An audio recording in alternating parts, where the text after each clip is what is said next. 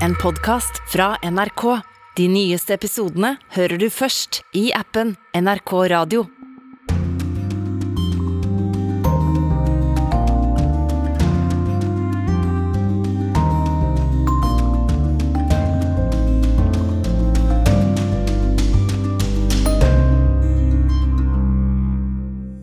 Velkommen til denne spesialutgaven av Urix på lørdag. I kavalkaden fra 2021 får du et gjenhør med noe av de beste reportasjene våre korrespondenter ute i verden og vi her på desken har laget det siste året. Gjør deg klar for en times tilbakeblikk fra utlandet. I studio Anja Strønen. Vi starter naturligvis med koronapandemien. For hvis du tenkte at var det ikke litt bedre på disse tider i fjor, så hør hva NRK sin koronamedarbeider Halvard Sandberg svarte da jeg i januar i fjor ba han beskrive situasjonen i Europa. Ganske så, ganske så, ganske så dårlig, og det ligger an til at det blir verre. Det er det korte svaret på det. Land etter land som greide å krype seg ned fra denne høstbølgen, har begynt å stige opp igjen og eh, ser at veldig mye går eh, galt. Og det er under tiltak som er ganske strenge.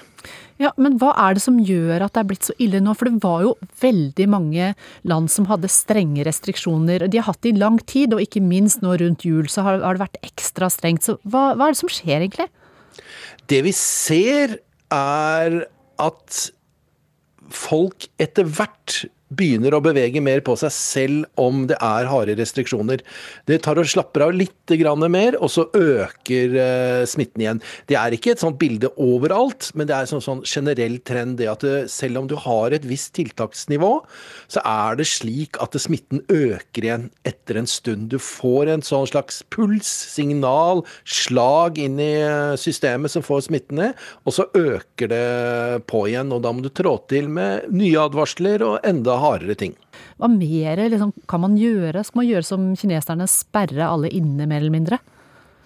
Ja, det er vel ikke mulig å gjøre det i eh, vestlige demokratier, men i Kina så jo, tok de et grep som var slik at hvis du er positiv, så, så kan du ikke møte familien din. Mm. Uh, og dette var noe som kineserne ikke kritiserte Europa for ganske tidlig, men de sa fra at dette fungerte ikke hos oss, sånn som dere gjør det, at uh, folk hjemmeisolerer seg fordi at vi ser at barna blir smitta, ektefeller blir smittet, og de, noen av de som er isolerte, de er liksom ikke så veldig isolerte likevel. Og det er kanskje vanskelig for folk eh, de, får, de har virus i kroppen, men de føler seg ikke sjuke. De kan jo jobbe og drive på med husarbeid og sånt, så skal de liksom være låst inne i et rom og ikke bidra i familien i ti dager. Mm. Det er vanskelig for mange, altså. Dette sa altså Halvard Sandberg for et år siden, og nå er vi der igjen. Og på starten av året i fjor så kom Det internasjonale pengefondet med en kraftig advarsel for økonomien på grunn av koronakrisen. Den verste krisen siden den store depresjonen på 30-tallet, sa de. Det merket de fattige Brasil godt. Et samfunn som til vanlig syder av liv, er grepet av dyp frykt og fortvilelse. I Rio de Janeiros største fattigkvartal, Rosinha, har koronaviruset krevd sine første dødsofre, og de rundt 100 000 innbyggerne er forberedt på det verste. Men smitte og sykdom er bare én del av vår bekymring, sier den 32 år gamle turistguiden Luisa Chávez til NRK. Det store spørsmålet er hva skal vi leve av? Tá crítica. Por enquanto dá para sobreviver, agora não sei até quando, né? Situasjonen er kritisk. Jeg overlever foreløpig, men vet ikke hvor lenge pengene rekker. This is a crisis like no other. Det internasjonale pengefondet la denne uken frem sin økonomiske prognose for 2020, og tallene for Latin-Amerika er fryktelige. Regionen med sine 550 millioner innbyggere vil få en økonomisk nedgang på mer enn 5% og for Brasil blir nedgangen den største på mer enn 100 år. For kloden som helhet blir koronaresesjonen på 3 spår pengefondet. This makes the great lockdown the worst recession since the Great Depression Dette gjør den store nedstengningen til den verste resesjonen siden den store depresjonen på 1930-tallet, sier pengefondets sjeføkonom Jita Gobinath. Dette er en mye dypere krise enn finanskrisa som startet i 2008, og det er enestående at både den rike og den fattige verden er i resesjon samtidig, sier hun. Og den store forskjellen er at millioner av mennesker her i sør er uten et sosialt sikkerhetsnett. En politibil kjører rundt i gatene i Latin-Amerikas største by, Mexico City, og ber folk følge myndighetenes sikkerhetsbestemmelser. Mexico blir ifølge pengefondets prognose hardest rammet av alle økonomier her i Latin-Amerika, med en nedgang på hele 6,6% i år. Det største fallet i noen større økonomi i den vestlige verden. Vi kommer ikke til å dø pga. koronasmitte, men pga. sult, sier en av selgerne. Vi lever fra dag til dag, og hvis vi ikke jobber, har vi ingenting å spise. Myndighetene kommer ikke til å bruke penger på å hjelpe oss, sier han. Fattigdom dreper, er et uttrykk de fleste kjenner her i Latin-Amerika. Og sjelden har det vært mer aktuelt enn nå, i koronaens tid. Det fortalte vår mann i Brasil, Arnt Stefansen. Og som om ikke pandemien var ille nok, så viste en rapport på starten av 2021 at det hadde vært over 400 trusler eller angrep på helsearbeidere rundt i verden som følge av koronapandemien.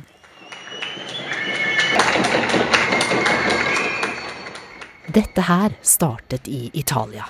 Som små maur som finner veien ut av tuen, søkte folk seg ut av husene på hver ledige balkong med ett bestemt mål å applaudere for helsearbeiderne som kjemper en nådeløs kamp for å redde liv under pandemien. Og på sosiale medier har vi sett klappevideoer fra hele verden, gjerne illustrert med bilder fra sykehus, hvor leger og sykepleiere er takknemlige for støtten fra folket. Vi er mange som har trodd at denne rungende applausen er virkeligheten de hvite heltene møter verden over. Det trodde også doktor Rohani har. My hypothesis was that during COVID, everyone's going to rally around health workers. For instance, what you saw in New York or in Italy, where people were clapping for healthcare workers. But actually, that didn't happen. In many, many places, there's actually more fear, more distrust, and, uh, and attacks grew rather than decreased. Min hypotese var at alle samlet seg rundt helsearbeiderne under koronapandemien. Istedenfor er det blitt mer frykt, mistillit og konkrete angrep mot helsearbeidere, forteller doktor Rohani Har i dette intervjuet med nyhetsbyrået Ap. Hun jobber både som lege på legevakten i California og forsker og foreleser ved Berkeley University. Sammen med det Genéve-baserte firmaet Insecurity Insight har hun forsket og kartlagt situasjonen for helsearbeidere under pandemien. Resultatet er langt fra lystig lesning. Det har vært over 1100 angrep eller trusler mot helsevesenet det siste året. Minst 400 av de knyttes til koronapandemien. Doktor Har forklarer. There were a lot of phase one attacks where uh, people were afraid of getting COVID from health workers. And there's actually been a lot of phase two attacks where there was frustration about treatment or not getting treatment, um, about the stigma of being diagnosed. Folk har altså gått til angrep på helsearbeidere, både fordi de har vært redd for å få smitte, eller fordi de ikke har fått den behandlingen de mener de har krav på. Av totalt 5,3 millioner som er døde av korona mens pandemien har pågått så langt, er minst 115 000 helsearbeidere.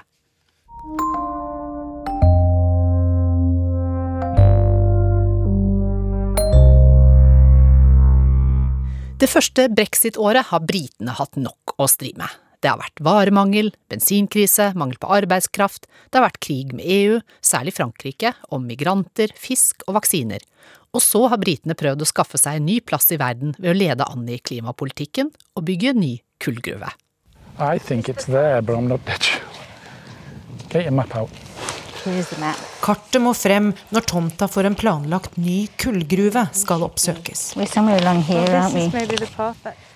Vi møter våre lokale guider ved en gammel, nedlagt kullgruve på den vakre vestkysten langt nord i England, rett ved nasjonalparken Lake District. Området her ved kysten er preget av at storhetstiden ble et tilbakelagt stadium da kulldriften stengte ned på midten av 80-tallet.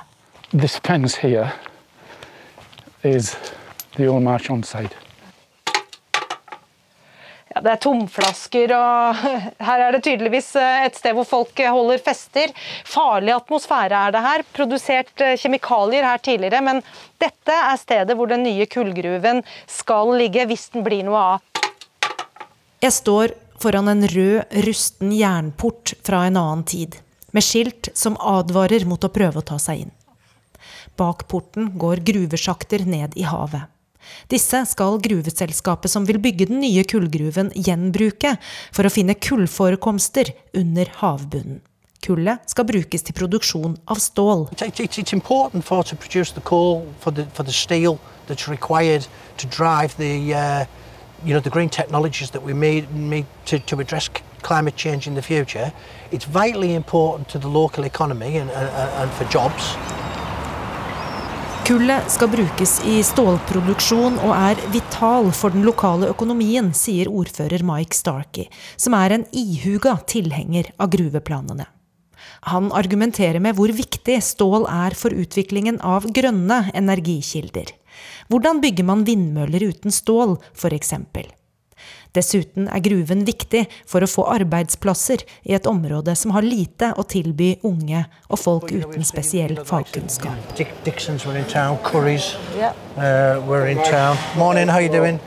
Ordfører Starkey tar oss med rundt i byen. Viser oss alle de nedlagte butikkene, alle lokalene som er til leie, gatene som er fulle av gamle mennesker. De har ventet på en opptur her i årevis, men den har uteblitt. Gruven gir folk håp, sier Greg Bray, som sitter på trappa utenfor huset sitt i byen. Whitehaven's a, a depressed town, and the coal mine promises 500 new jobs. So I think it's you know difficult to expect local people to be against the coal mine. Storbritannia er vertskap for FNs klimatoppmøte i november. Statsminister Boris Johnson skal overtale verdens rikeste til å betale for at verdens fattige klimasyndere kan bli grønnere. Han skal sørge for at ledere forplikter seg til å begrense den globale oppvarmingen. Samtidig planlegges altså en ny kullgruve på hjemmebane. Den britiske statsministeren fikk kritikk for at han ikke grep inn før lokale myndigheter godkjente gruveplanene. Men kritikken ble til slutt så massiv at planene er midlertidig stanset. Nå pågår en høring, og på nyåret skal regjeringen bestemme om gruven blir noe av eller ikke. Langs kyststien der gruven skal ligge, peker de som har vist oss rundt, mot sør. Rett bak åsen ligger atomavfallsanlegget Sellafield. Det lagrer store mengder radioaktivt avfall i havet rett utenfor, og like ved stedet der det skal utvinnes kull. Det bekymrer Irene Sanderson i aktivistgruppa Et strålefritt Lakeland. We have added risks the Sellafield site, where 140 tons, I believe at the last count, of plutonium is stored. Plutonium is highly volatile, extremely toxic, the most toxic substance on this planet. Any disturbance of this containment would be very worrying. Irene er bekymret for hva den seismiske aktiviteten knyttet til gruvedriften kan gjøre med de 140 tonnene med plutonium som ligger lagret ved det kontroversielle Sellafield-anlegget. Men motstanderne mot gruven er i mindretall i Whitehaven. Folk støtter ordførerens kamp for den nye kullgruven.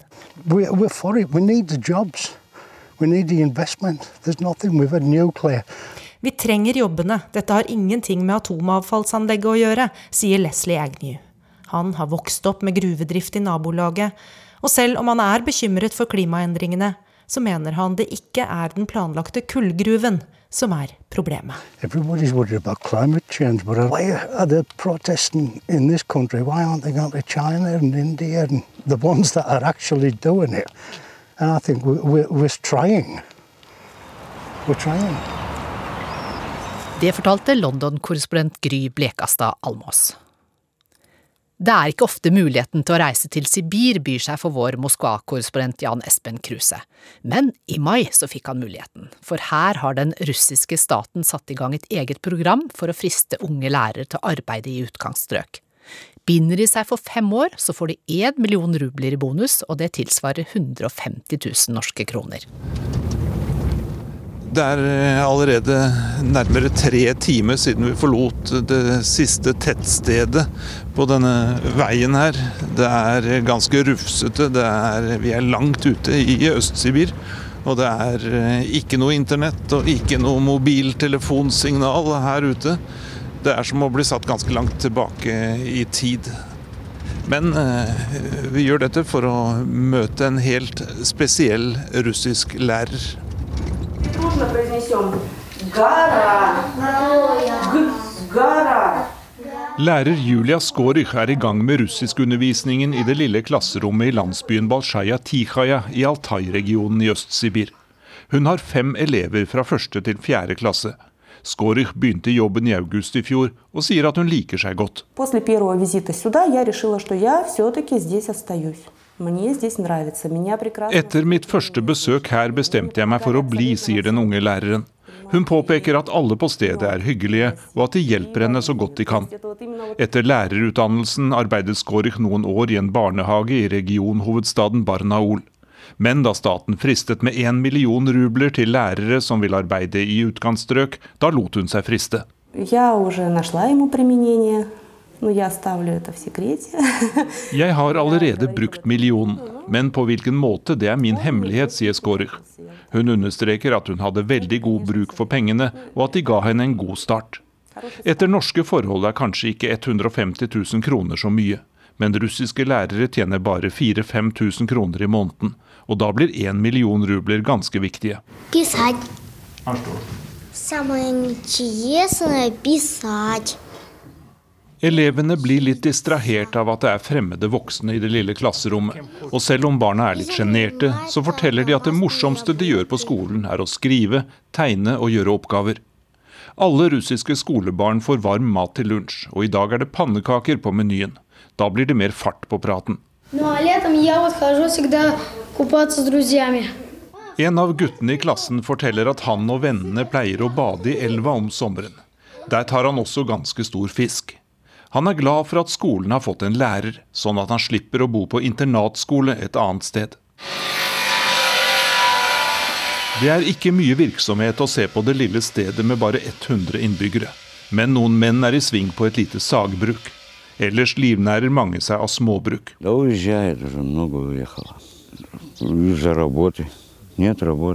Mange har reist herfra fordi det er vanskelig å finne arbeid.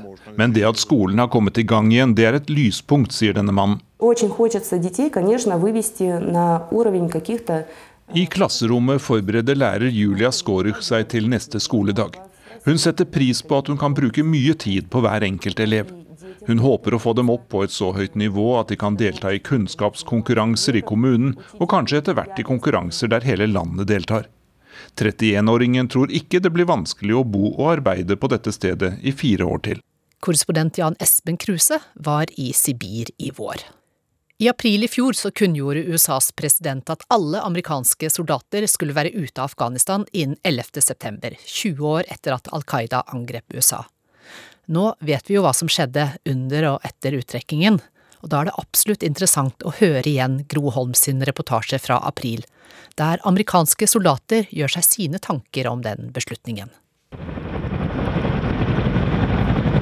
Et amerikansk militært helikopter lander på en slette i Afghanistan. Soldater som løper gjennom en sky av støv for å klyve om bord. En av de mindre dramatiske hverdagsscenene fra krigen. 2312 amerikanske soldater er drept i løpet av snart 20 år. Langt flere har arr på kropp og sjel. I have mixed feelings about it, of course. Um, we've sacrificed so much as a nation jeg har så klart blandede følelser, sier veteranen Tom Porter til nyheten om at alle amerikanske styrker skal ut. Vi har ofret så mye i de siste 20 årene. Så mye penger og så mange liv. Og så mange veteraner har kommet hjem med ulike sår fra krigen, sier han. I just naturally, like a lot of folks, had envisioned um, uh, some greater level of success before we. Som så mange andre hadde han forventet seg at USA kunne vise til mer suksess før tilbaketrekkingen. Underveis har det vært snakket mye om demokrati, utdanning for jenter og økonomisk utvikling. Da utenriksminister Anthony Blinken besøkte Afghanistan torsdag, var det seieren over Al Qaida som ble framhevet. We've achieved the objective we set out uh, nearly 20 years ago. Threat from Al Qaeda in Afghanistan is significantly degraded. Osama bin Laden has been brought to justice. Vi har oppnådd målet vi satte oss for nesten 20 år siden. Trusselen fra Al Qaida er betydelig redusert. Osama bin Laden har måttet stå til rette, sa Blinken. Men Al Qaida var bortimot slått etter ett år. Og bin Laden ble drept for ti år siden. Tonight, I can report to the American people and to the world that the United States has conducted an operation that killed Osama bin Laden, the leader of Al Qaeda. Amerikanere og allierte soldater i og utenfor Nato valgte å fortsette å krige med Taliban som hovedfienden etter at bin Laden var drept. Til nå. For krigen er ikke lenger populær i USA, og president Trumps krigsmotstand gjorde det akseptabelt å si at USA ikke skal sørge for lov og orden i andre land, ikke kjempe andres kriger.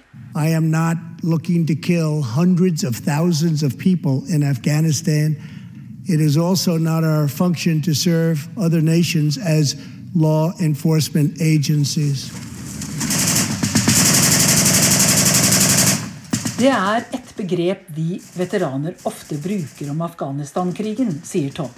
The term is Forgotistan, um, because the American public has largely forgotten that we've been over there.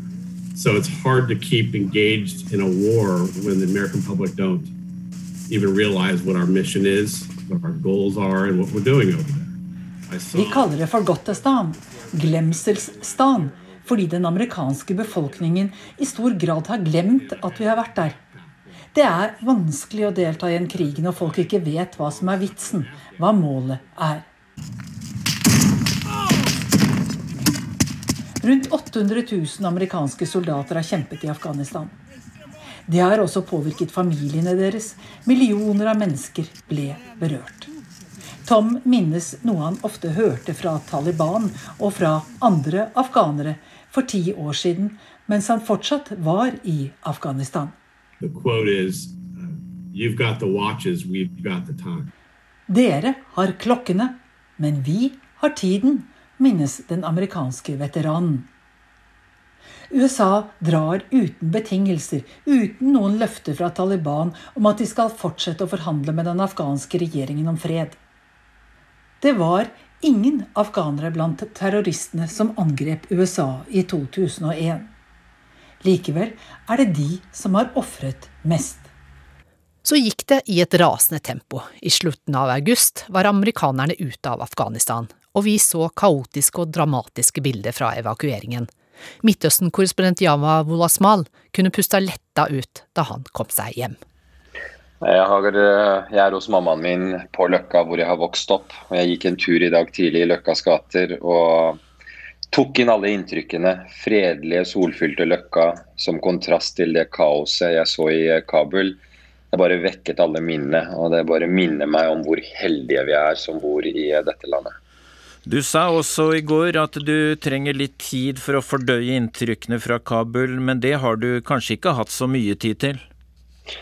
Jeg trenger både tid til å fordøye inntrykkene, men hver gang jeg snakker om de opplevelsene, så får jeg også bearbeidet alt det vonde jeg har sett. Det er derfor jeg sitter her og snakker i denne sendingen, og det er derfor jeg også snakker med andre medier. For jo mer jeg får formidlet den smerten jeg har sett, jo lettere blir det også for meg personlig å bearbeide det jeg har sett. Vi hører at fortsatt sliter både utenlandske borgere og afghanere som har jobbet for vestlige land med å bli evakuert på en trygg måte, og du opplevde vel også at det er veien til flyplassen og området ved flyplassen som er flaskehalsen? Absolutt. Jeg satt fast i en folkemengde bestående av rundt 800 desperate personer. Vi satt fast i åtte timer. Det var alle slags mennesker der. Unge, gamle, familier. Og Noe av det verste med den situasjonen var eh, å se alle de barna. Det var en kvinne som bar på to sterkt handikappede barn på åtte og ti år. Eh, og se den fortvilelsen i øynene til den damen som øynet et håp om å komme gjennom de portene til et bedre liv det er et inntrykk jeg sent vil glemme. Eh, Yama, du fortalte i Dagsrevyen i går, og seerne fikk med seg ikke sant, det du sa om at du er født i Kabul og vokste opp her i Oslo. Og med din kunnskap og nærhet til Afghanistan, hvordan er det for deg å være vitne til drama som utspiller seg fra time til time og dag til dag? Kabul og Afghanistan har en helt spesiell plass i hjertet mitt. Å se de lidelsene der og se den desperasjonen jeg har vært vitne til den siste uken det, det, er noe jeg kommer til å bære med meg veldig, veldig lenge. Um, samtidig må jeg understreke at det kommer også eh, positive signaler fra dette krigsherjede landet. Sikkerhetssituasjonen er under kontroll. De aller fleste i landet har familie i Kandahar hvor, at, hvor, folk sier at vi kan endelig puste lettet ut. Vi trenger ikke å frykte å gå ut i basaren og bli sprengt i filler av en selvmordsbomber. Så mens det er desperat situasjon rundt flyplassen i Kabul, så er det tross alt blitt roligere. Krigen er over for nå. La oss bare håpe at det fortsetter sånn.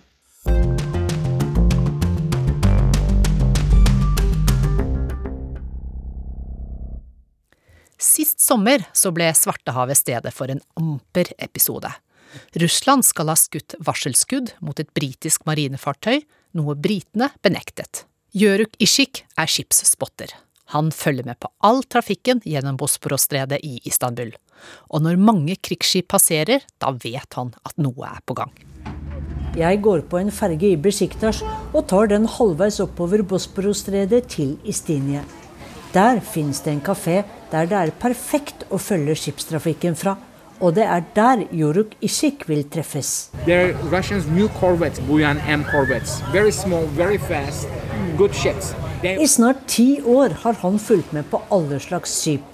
Oljetankere, lastebåter og ikke minst krigsskip som går gjennom det 31 km lange stredet som deler Istanbul mellom Europa og Asia. Hvorfor driver han med det?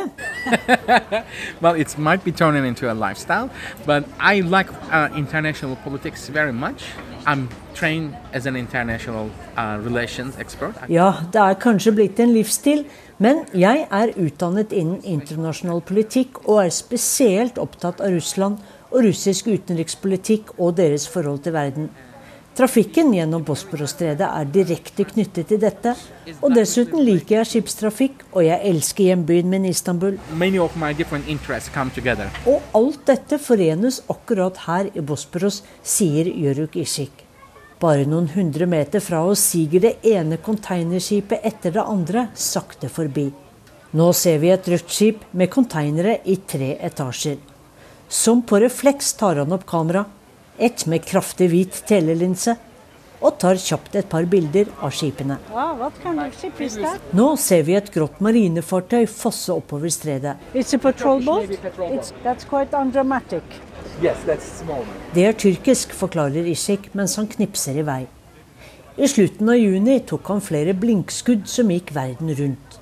Da var det britiske krigsskipet Defender på vei til Svartehavet. Like etter kom rapporter om at russiske jagerfly og marinefartøy hadde skutt varselskudd mot den britiske jageren. Britene benektet imidlertid dette. You know, Men hvordan kunne Defender seile rett inn til Svartehavet for å tirre Putin, spør jeg. For i henhold til Montreux-avtalen av 1936, som regulerer trafikken her, kan vel ikke marinefartøy fra Nato-land uten videre seile dit? The passage of warships it's not limited. They have to just notice in and every country, including Black Sea countries, have to notice Turkey because Turkey is Mange krigsskip kan passere, men de må gi beskjed til Tyrkia 15 dager i forveien, og så må de forlate Svartehavet etter 21 dager. Så lenge alt er innenfor Montreux-avtalen, så sier Tyrkia ja. Men hangarskip og ubåter kan ikke ta seg inn til Svartehavet. Det kan heller ikke marineskip over en viss størrelse, forteller Ishik. Skipsspoteren med den krøllete hårmanken merket at russerne hadde planer i Syria i 2015. Yes, um, sometimes we get to see things with some careful observation. Um, before they happen, we can witness it. We saw the Russian military ships uh, number significantly increasing, and it was really an increase almost week by week. You know, like. Å se russiske krigsskip her er ikke uvanlig. Men før Russland gikk inn i Syria-konflikten, så vi plutselig mange flere. Vi kunne se to-tre per dag. Da forsto vi at noe var på gang. For du kan følge verdenspolitikken herfra, sier han ivrig.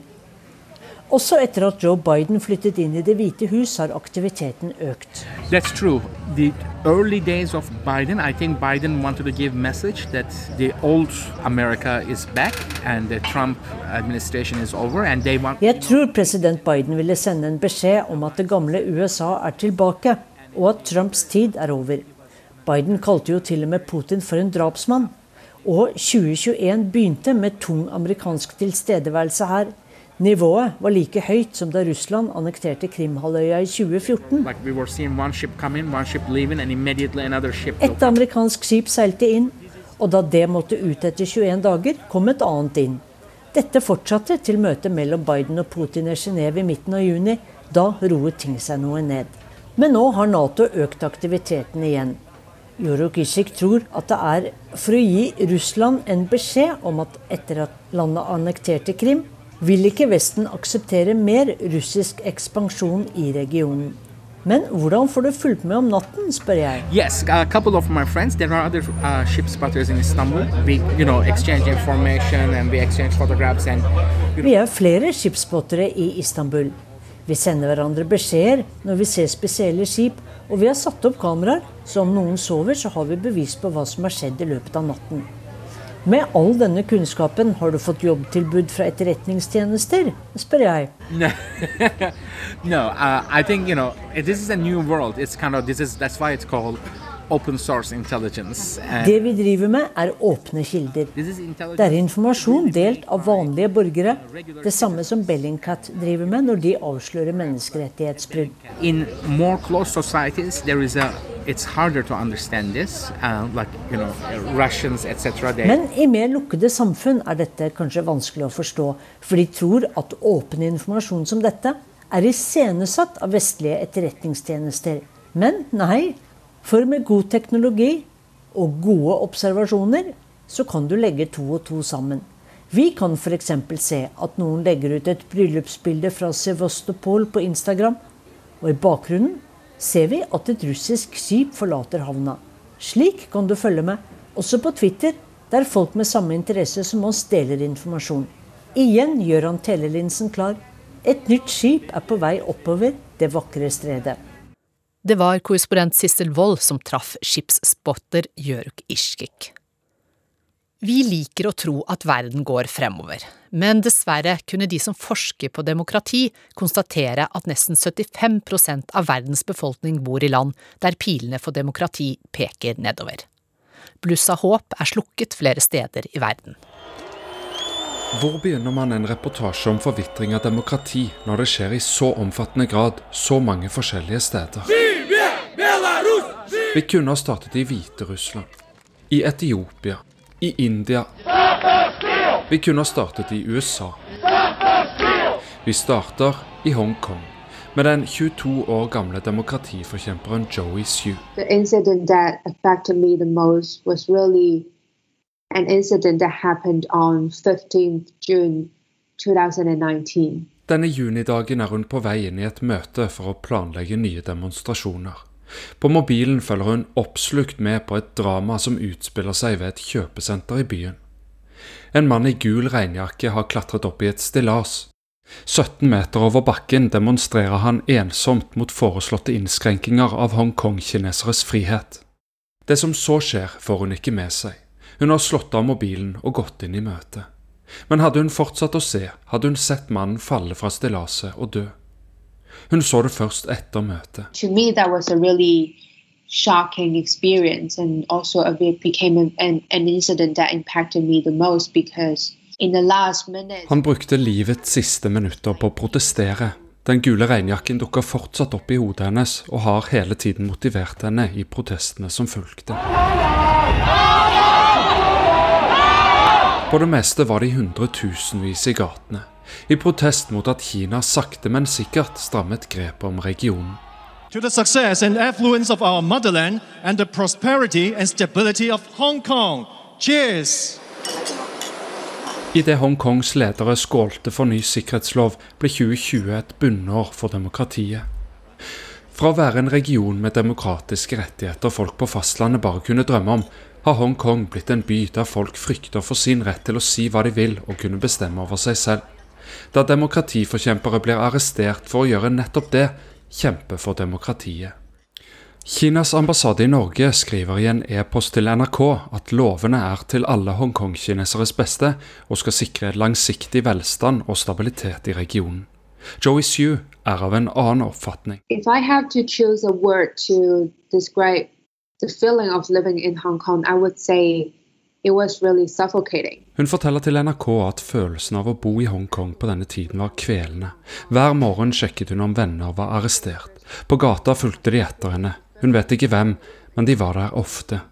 Det snørte seg sammen rundt henne. Hun måtte ta et valg. Situasjonen i Hongkong med et demokrati i forvitring var langt fra et enkelttilfelle i 2020. Stiftelsen Freedom House har i sin årlige rapport konkludert med at 75% av verdens befolkning bor i land der pilene for demokrati peker nedover. The findings are quite pessimistic. It seems that authoritarians are tipping the scales against democracy. So we found that freedom has been declining around the world now for 15 consecutive years. Funnene er pessimistiske, forteller Amy Slipowitz til Urix på lørdag. Hun har ledet arbeidet med å kartlegge demokratiutviklingen i 210 land. Det som har vært en nedadgående kurve i 15 år, ble enda brattere i fjor. Færre enn 20 bor nå i det de kaller frie land. Which is actually the lowest we've seen since 1995. So I think this really reflects um, the low point um, of this democratic deterioration that we've been observing. Rapporten forteller om land etter land der demokratiet har dårlige kår. Om Hviterussland, der landets president Aleksandr Lukasjenko har slått voldsomt ned på demonstrasjoner etter påstått valgfusk. Om Etiopia og rapporter om uhyggelige menneskerettighetsbrudd i Tigray-regionen. Om Kina, om Polen, om Mali. Om India, der landet har gått fra å være et fritt land til å være et delvis fritt land, etter at myndighetene under statsminister Modis ledelse diskriminerer minoriteter og innskrenker ytrings- og pressefriheten.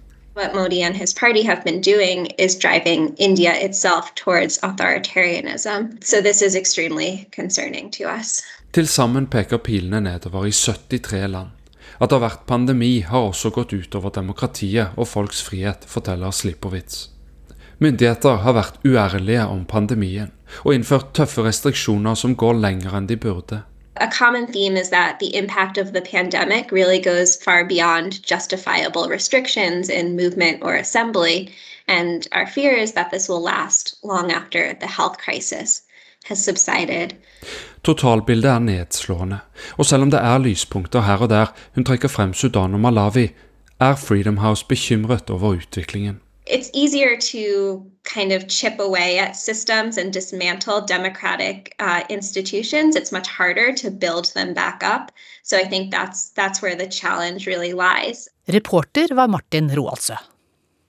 Reportasjekavalkaden her i Urix på lørdag tar deg nå med til Sør-Afrika. Og nei, det skal ikke handle om pandemien, men en helt annen utfordring for de sorte og hvite kapppingvinene som tiltrekker seg tusenvis av turister til strendene i Sør-Afrika hvert år står i fare for å bli utryddet. I en pappboks med innskriften 'Handle with care' behandles med varsomhet, sitter fem grå, lodne pingvinunger. De er sultne, for foreldrene forlot dem på redet fordi de ikke fant nok mat i havet. Right now we're just filling him with fluids. So they had a Darrell's this morning, Vi fôrer dem med vann som inneholder elektrolytter og probiotika. De får også flytende mat et par ganger om dagen, forteller Christina Kemner. Hun jobber som frivillig på Senteret for rehabilitering av sjøfugler i Cape Town.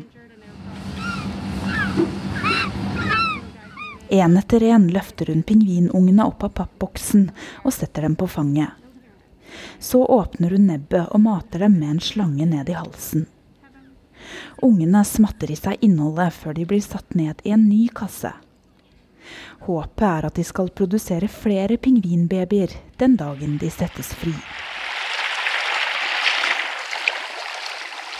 Det er morgen på Afrikas sydspiss, og solstrålene farger havet i et gyllent skjær. Små pingvinføtter tasser på våt sand mot vannet. Den lille flokken med cappingviner er på vei til dagens fisketur ved Seaforth Beach utenfor Cape Town. Det er et kjent syn for tusenvis av turister som kommer til Sør-Afrika hvert år for å se ville pingviner. Men dette synet kan ta slutt om noen få år, skal vi tro ny forskning. So there's a real possibility that these birds will reach extinction Det er sannsynlig at disse fuglene blir utryddet i vår levetid. Det kommer til å skje nå hvis vi ikke endrer forholdene pingvinene lever under. Derfor er jeg opptatt av å understreke alvoret i denne krisa, sier Lauren Waller. Vi møter biologen på pingvinkolonien Stony Point, halvannen times kjøring fra Cape Town.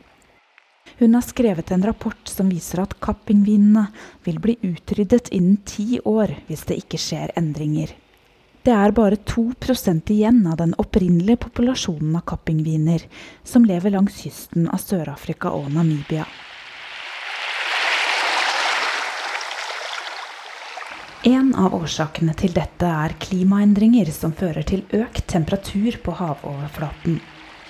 Dette fører til endringer i hvordan fisken beveger seg i sjøen, og hvordan den formerer seg. Biologen forteller også at kommersielle fiskerier er en av de største truslene mot pingvinene, fordi begge konkurrerer om ansjos og sardiner i havet. It's not really a seabird versus fishing issue. Marinbiolog Mike Berg, som jobber for den sørafrikanske fiskeindustriforeningen Sapfia, mener årsaken er sammensatt, og peker bl.a. på at pingvineggene i mange år ble sanket og spist av mennesker. Nå diskuterer sørafrikanske myndigheter, biologer og fiskerier hva de kan gjøre for å ta vare på pingvinene. Håpet er at de finner en løsning før det er for sent. Det fortalte Afrikakorrespondent Ida Titlestad Dalbakk. Reportasjer fra utlandet er ikke bare krig, død og elendighet. Det er også kulturarv og folkesjel, som 100 års historie for danske pølsevogner. En pølse skal serveres med følelse, uten savsmuld og strøelse, og på tre tonner sølv. Hmm. Like rødt og dansk som flagget er pølsene som selges fra byens vogner. De er en nasjonalrett. Danskene begynte å farge dem i de harde 30-årene. I kødbyen i København ble kjøtt med tvilsom lukt tilsatt nitrat og solgt til den fattige delen av befolkningen, sammen med en oppfordring om å koke pølsene lenge og vel. De lange, røde, fine Men dagens pølser er både røde og brune og grillet og kokt. Og dette skulle jo først og fremst handle om pølsevognene, som er en viktig del av det danske bybildet. I disse dager feirer de jubileum. 100 år. Det er 83 år gamle Kate Pedersen ute for å feire. Faren hennes var pølsemann. Uh, min far var pølsemann på Toftegårds plass og solgte dampkraftpølser. Det smaker godt. Men hvor viktig er de for danskene? Jeg spør kollega Torben Skau i Danmarks Radio. Altså en pølsevogn, når du spør en dansker, det er jo sånn et begrep, at vi får nesten tårer i øynene. fordi det minner oss jo om historien, og det er et stykke av vores kulturarv. Det var jo den første fastfood, vi fikk i Danmark. Det var jo en pølsevogn. Så på den måte så har den jo en helt særlig plassering i vores hjerter. Forløperen til pølsevognene var kaffevogner. Det hadde begynt da det enkle primusapparatet kom. Gatehandel var sterkt regulert. For en krone kunne en kremmer få en tillatelse hos kommunen, får vi vite hos Danmarks pølsehandlerforening. Den enkle matserveringen begynte først å rulle i tyske byer. Derfra gikk oppfinnelsen til Sverige og Norge. Den danske kapellmester Charles Svendsen Stevns musiserte for danskfødte kong Haakon i Kristiania. Han hadde tydeligvis sans for mer enn musikk, og i 1910 søkte han om tillatelse til å selge pølser på gaten i København. Han fikk først avslag med den begrunnelsen at det ville være upassende for folk å stå ute på gaten og spise. Men Stems ga ikke opp, og i mars 1920 fikk han sin bevilling. I januar 1921 rullet de første vognene ut, og etter hvert rullet fenomenet videre ut i danske byer, og pølser ble solgt for 25 øre stykket. På Rådhusplassen i København tar Kresten Larsen en skikkelig bit. De er blevet bedre med årene. De er mer faste i det, og jeg er sikker på at det er litt bedre ting i enn der var i starten for 100 år siden. Dagens pølser er nok bedre enn de man fikk for 100 år siden, sier han til nyhetsbyrået Reuters. Og Torben Skau vet akkurat hvordan han vil ha pølse servert. Brød, ketchup, sennep, remoulade skal vi ha også, og så ristet løg og så agurksalat. Så er jeg i himmeriet. En pølse? Ja, så man spiser sin pølse med følelse, som det heter i sangen. ja, lige præcis. Og så skal man jo helst ha en varm kakaomælk. Vi kaller det en kongobajer. Så en varm kongobajer og en ristet hotdog, det er livet. Reporter var Marit Kolberg.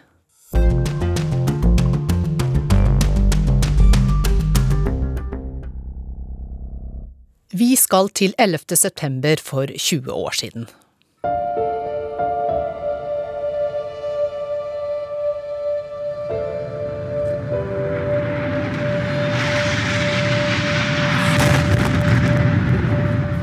There, there it is. The plane went right through. Black and gray smoke pouring out of it right now. There shouldn't be any aircraft in that area.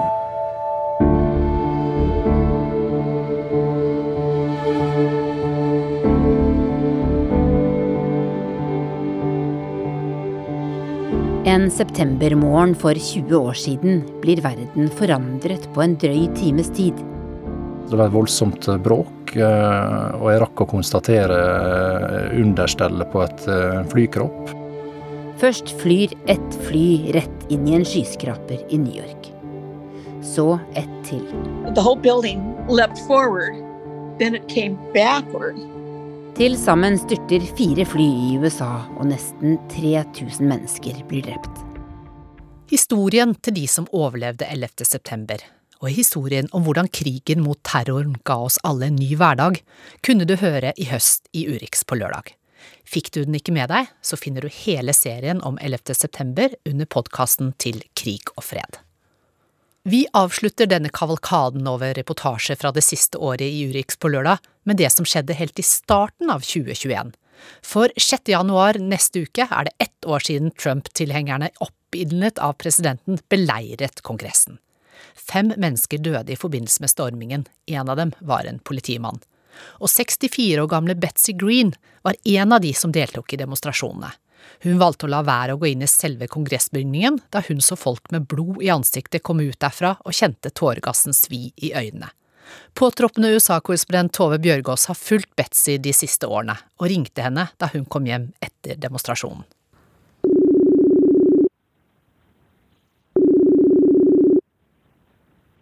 Toby? Hi. Hi. How are you? Uh, I am. I'm running on empty, to tell you the truth. I understand. I'm sorry. I just I'm driving and I totally forgot. Betzy er tilbake i fjellene i Pennsylvania etter det villeste døgnet hun har opplevd i sitt 64 år lange liv. Jeg har fulgt med på Facebook-postene hennes de siste dagene.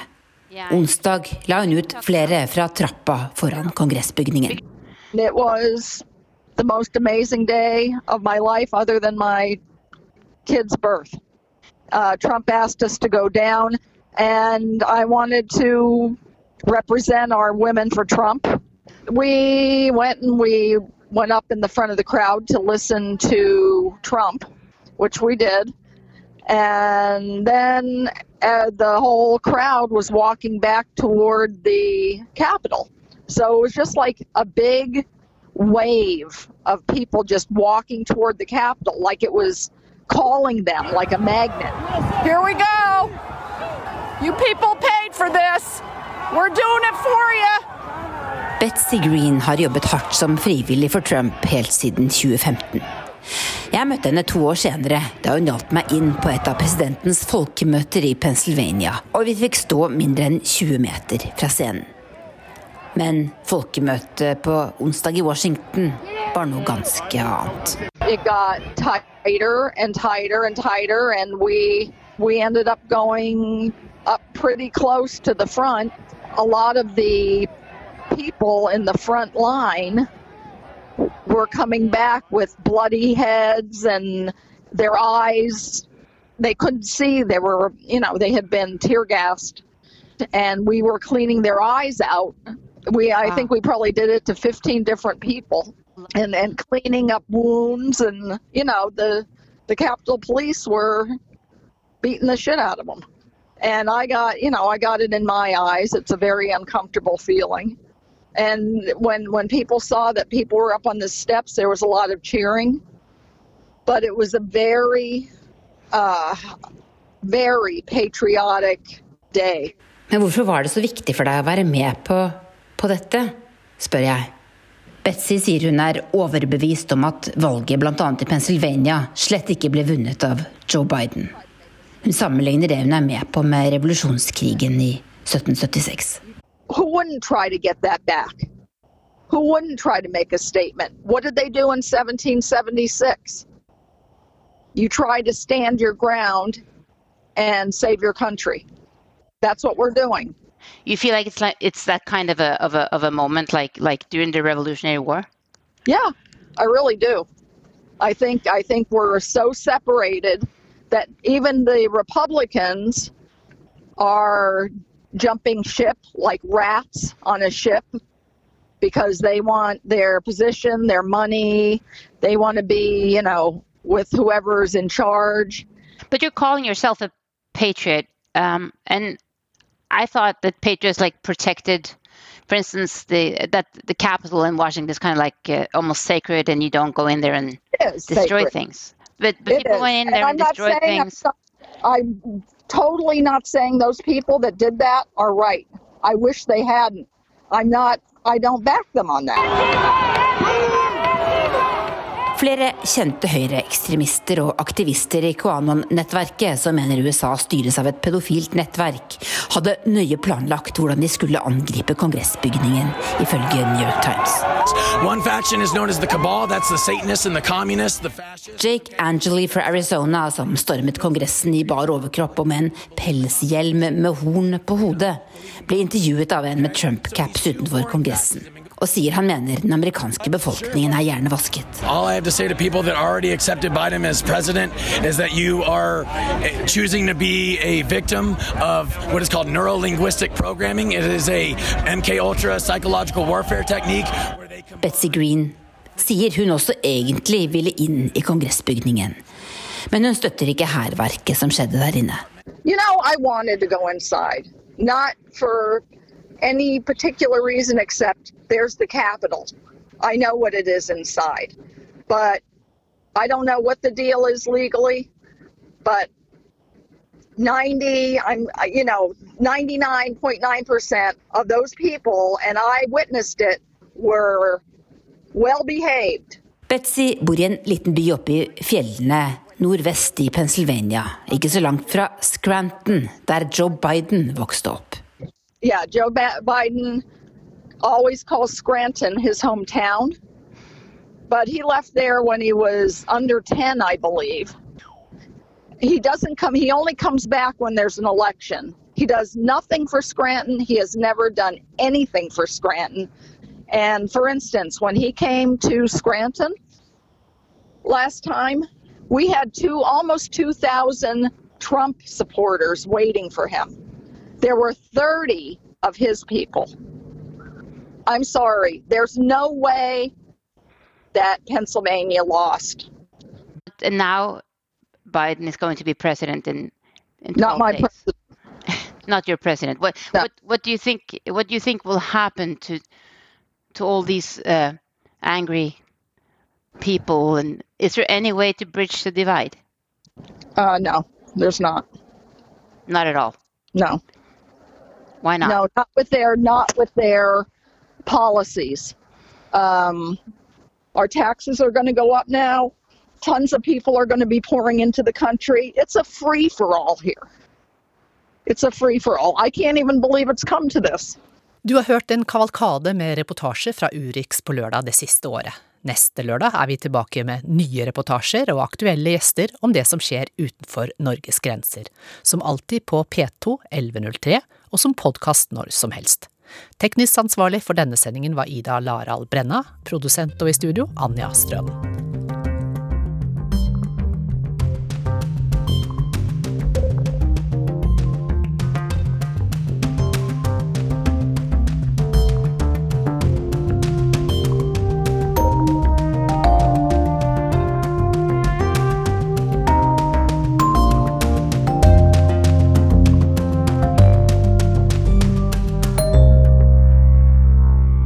Du har hørt en podkast fra NRK. De nyeste episodene hører du først i appen NRK Radio.